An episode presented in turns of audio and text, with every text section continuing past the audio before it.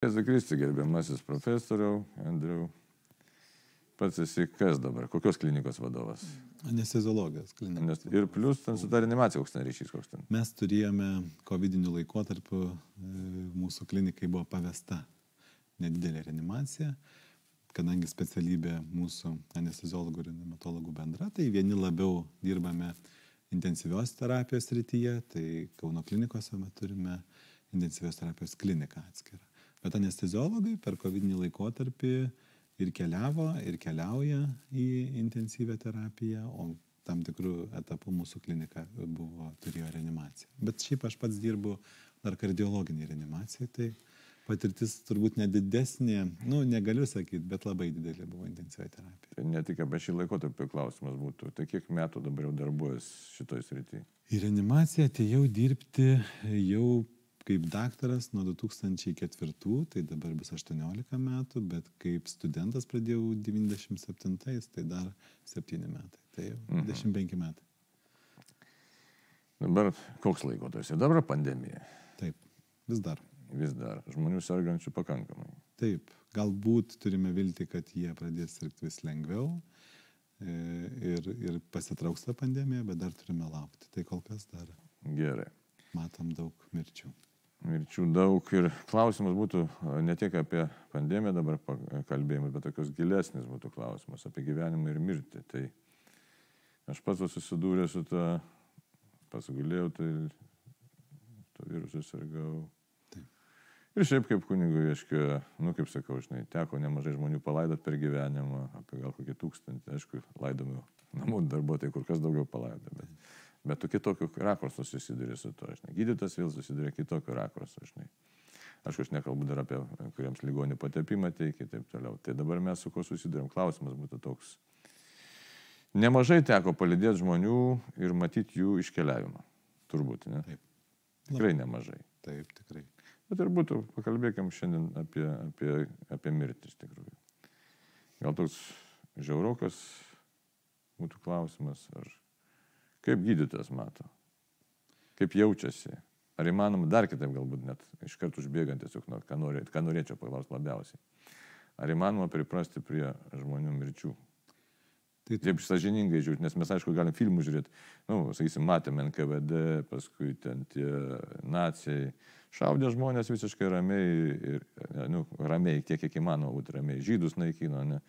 bet ne tik žydus, reiškia, tai mes susidurėm su tokiu keistu fenomenu. Ne? Iš vienos pusės žmogus labai nori gyventi, labai nori gyventi. Iš kitos pusės kartais tas pats žmogus būna visiškai nejautrus, o tu tarpu gydyto pašaukimas mhm. būti tame, gelbėti ir kartais pasijusti, kad štai tu nesi visagalis ir esi tiesiog net bejėgis.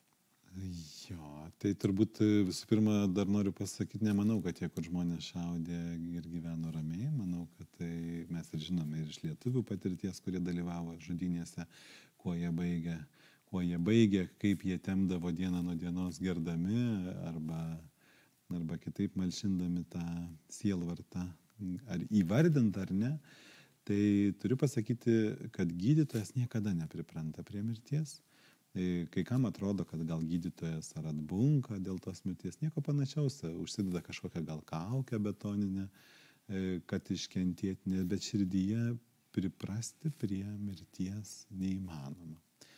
E, tai atsakymas toks, prie mirčių mes nepriprantame, tiesa, mes kartais matome na, tą neproporcingą gydimą, kai žmogui ten 90 metų serga sunkiausiamis lygomis kurių jis negali gyventi be agresyvių palaikymo priemonių, negali gyventi e, ne ligoniniai, ne reanimacijoje ir tu matai, kad na, ta sistema kol kas įpareigoja tęsti tą neproporcingą gydimą, tada atsiranda tam tikras piktumas. Bet mirties faktas e, tais vat neproporcingais atvejais bet, e, bet vis tiek mirties faktas yra toks, kuris vis tiek sukrečia, tu turi sėsti, apmastyti, jau dokumentuoti ir aš žinau, kad tai yra nemaloniausias gydytojo, reanimatologo, na, terapijos, ar chirurgijos skyriuje dirbančio gydytojo darbas.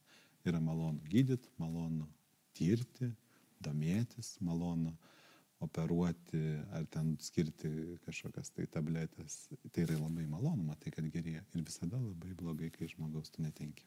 Netenka. Kai sveiksta, tai jau tik ką, tokį pergalės džiaugsmą, galim sakyti. Malonu, tu esi geras. Tai yra labai sveikas dalykas, tu džiaugiesi, kitą kartą gal savim geriesi, gal čia viskai pavojinga dėl puikybės, bet, bet vis tiek smagu, nu, tu esi savivertę pakeli, tada eini kitą gydyti ir žiūrėk, ir čia gal sekasi, o čia nelabai sekasi, bet, bet išmoksti daug, čia labai geras dalykas ir žmogui, už žmogų smagu, va, grįžta pas šeimą, grįžta vaikas pas mamą, arba vyresnio amžiaus tėtis sugrįžta pas savo saugusius vaikus, smagu, labai gera.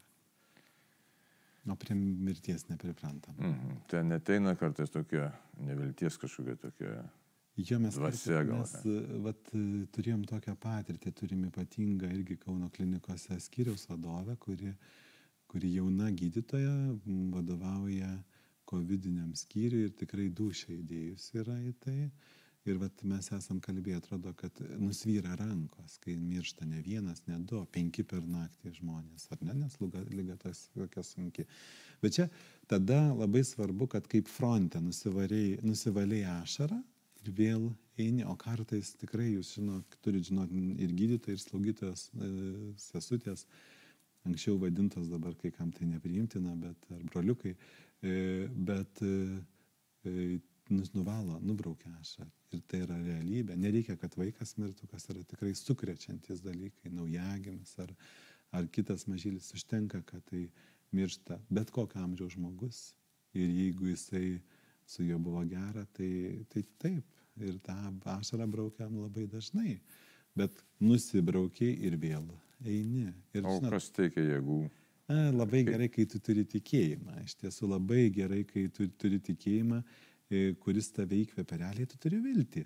E, Turi viltį, kad e, kodėl tada galima, žinot, sakyti, tai ką čia gydyt, e, jeigu turim viltį, kad Dievas jis priims, tai tegu ir miršta. Bet matot, žmogui, kodėl yra prasminga, man atrodo, kaip gydytojui, kodėl prasminga pratesti tą gyvenimą, todėl kad, na, dar žmogus galų gale susitaikyti, gal turi su Dievu, galų gale gal turi veikti kažkokią savo bėdą, rūpestį, galbūt dar turi pasirūpinti vaiku.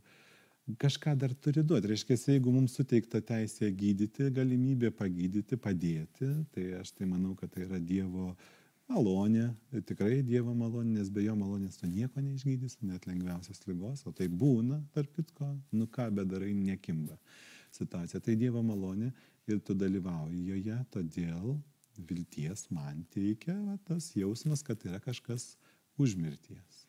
Na tai ir gyvenimą vis tiek mes priimam kaip gėrį. Taip, taip, sutinku. Na, Ir mirtis tai nėra, nėra, Nėra siekinys. nėra gėris Ne. tikrai. Mm. Tai, tai mes negyvenam, sakysim, kaip tam tikrą kokią filosofinę sistemą, kad mums siūlytų, kad štai kokią neikite gyvenimą, ne, tai šiek teigiam gyvenimą.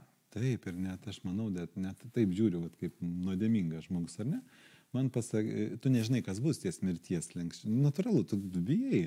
Nu, galų gale, aha, ar aš čia jau, pasakysiu taip paprastai, susitvarkęs, ar aš jau būsiu priimtas vieną pasaulį, ten, kur aš norėčiau ten ganytis viešpatės atšlainiuose, ar aš būsiu pakviestas, nežinau.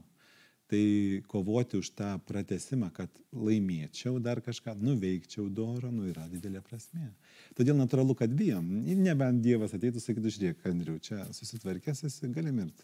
Nu, jau pat po tokio padrasmę turbūt ir nusivestų, bet, bet dabar niekas tokių garantijų neduoda. Tai kol tos garantijos neturi, turi dirbti ir turi padėti ir dėl to priprasti prie mirties negali. Labai logiškai viskas dėliojasi.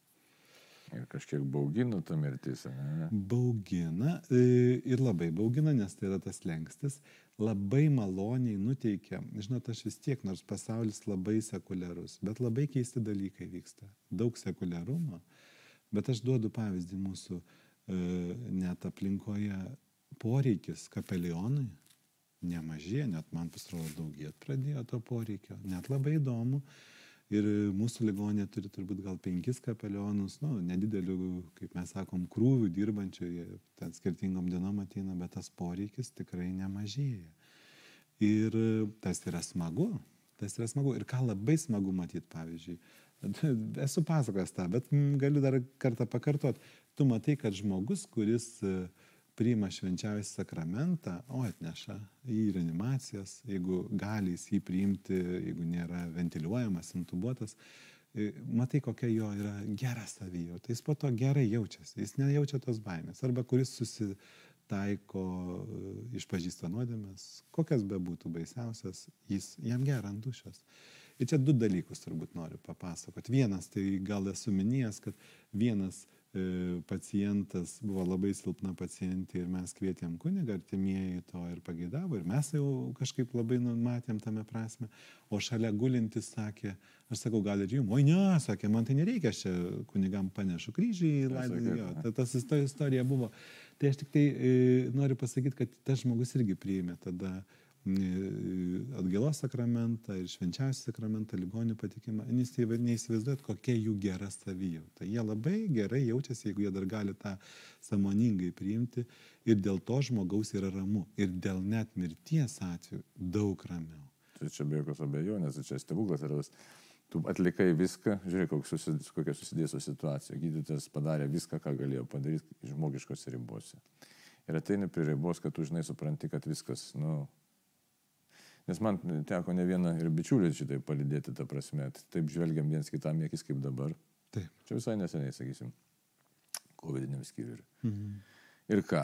Ir tu pats atsimeni gal tą ligoninę. Taip, atsimenu, taip, mes kalbėjome. Ir jam, jam turi pasakyti, kad štai dabar tau patepimas, komunija, išrišimas, tavintubos. Ir labai gali būti, kad jau daugiau mes čia nebepasimatysim ant šitos žemės. Tai.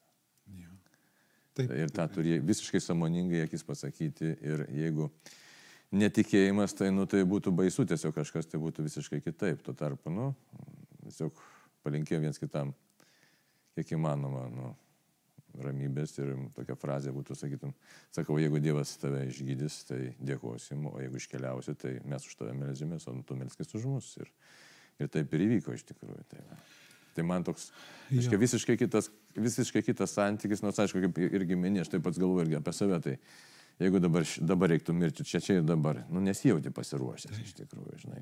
O gal dar kažką, ko nepajutai, ko net pažinai, kažkokios, nu vėlgi kalbėkime apie tą pačią nuodėmę, tu jos dar net pažinęs. Būtų gerai dar patent atpažinti ir tada sutvarkyti. Nu kažką dar padaryti. Jo, ir dar aš kitaip kartais galvoju kartais būna taip sunku, ar ne, ir galvoju, ar tos tavo rankos, net kaip gydytojo, vis dar yra, nu jeigu jau nenaudingos, tai Dieve patrauk, jau mane tada trauk, net ir taip galvoju, bet jeigu leidžia, reiškia, nu turiu kažką tai daryti ir stengtis, kaip išmanau, ieškodamas, tikėdamas tą padaryti. Aš tai kažkaip vėlgi klausytojam, žiūrovam noriu, nu, vat, kas mus dabar mūsų pokalbį žiūrės, aš vis tiek noriu tokio besąlygiškos vilties dar pavyzdį iliustruoti. Mano vatėtis susi, susirgo onkologinė lyga, bet lyg ir ją sekėsi gydyti, bet po to užpuolė toksai vat, šalutinis gydimo, onkologinio gydimo pasiekmė, prasidėjo plaučių pažaida, kuri pradėjo plautis, randėt panašiai kaip, kaip COVID. -as. Mhm. Labai panašiai. Ir aš atsimenu, tėtis mano sakydavo, nu, žinai, Andriau, e, ten dėl išpažinties jisai, e, o jos nebuvo, nežinau, 50 metų gal, o gal 55 priejas. Sakydavo, ai, žinai, mano tiek nuodėmių, tai kunigausis net laikys, žinai, nieko neišeis. Ir aš galvoju, Kaune buvo toksai, jau dabar miręs, ypatingai tikrai, e, gal vėlgi žiūrovom ir klausytojams pažįstamas buvo toks tie tėvelis, tėveliukas, merkys. Mhm. Tai jis tikrai žmogus, gal praėjęs ten sudėtingą kelią kur nors Ukrainoje ir, ir kai vienas kunigas ten milijonai žmonių, bet, bet aš atsimenu jo viltį. Jisai, mano tėtis tikrai labai, išpažintis nebuvo ilga, jo būklė nebuvo lengva, jis dar galėjo kalbėti, bet tikrai ne tiek, kad galėtų, žinot, tą visą gyvenimą aptarti.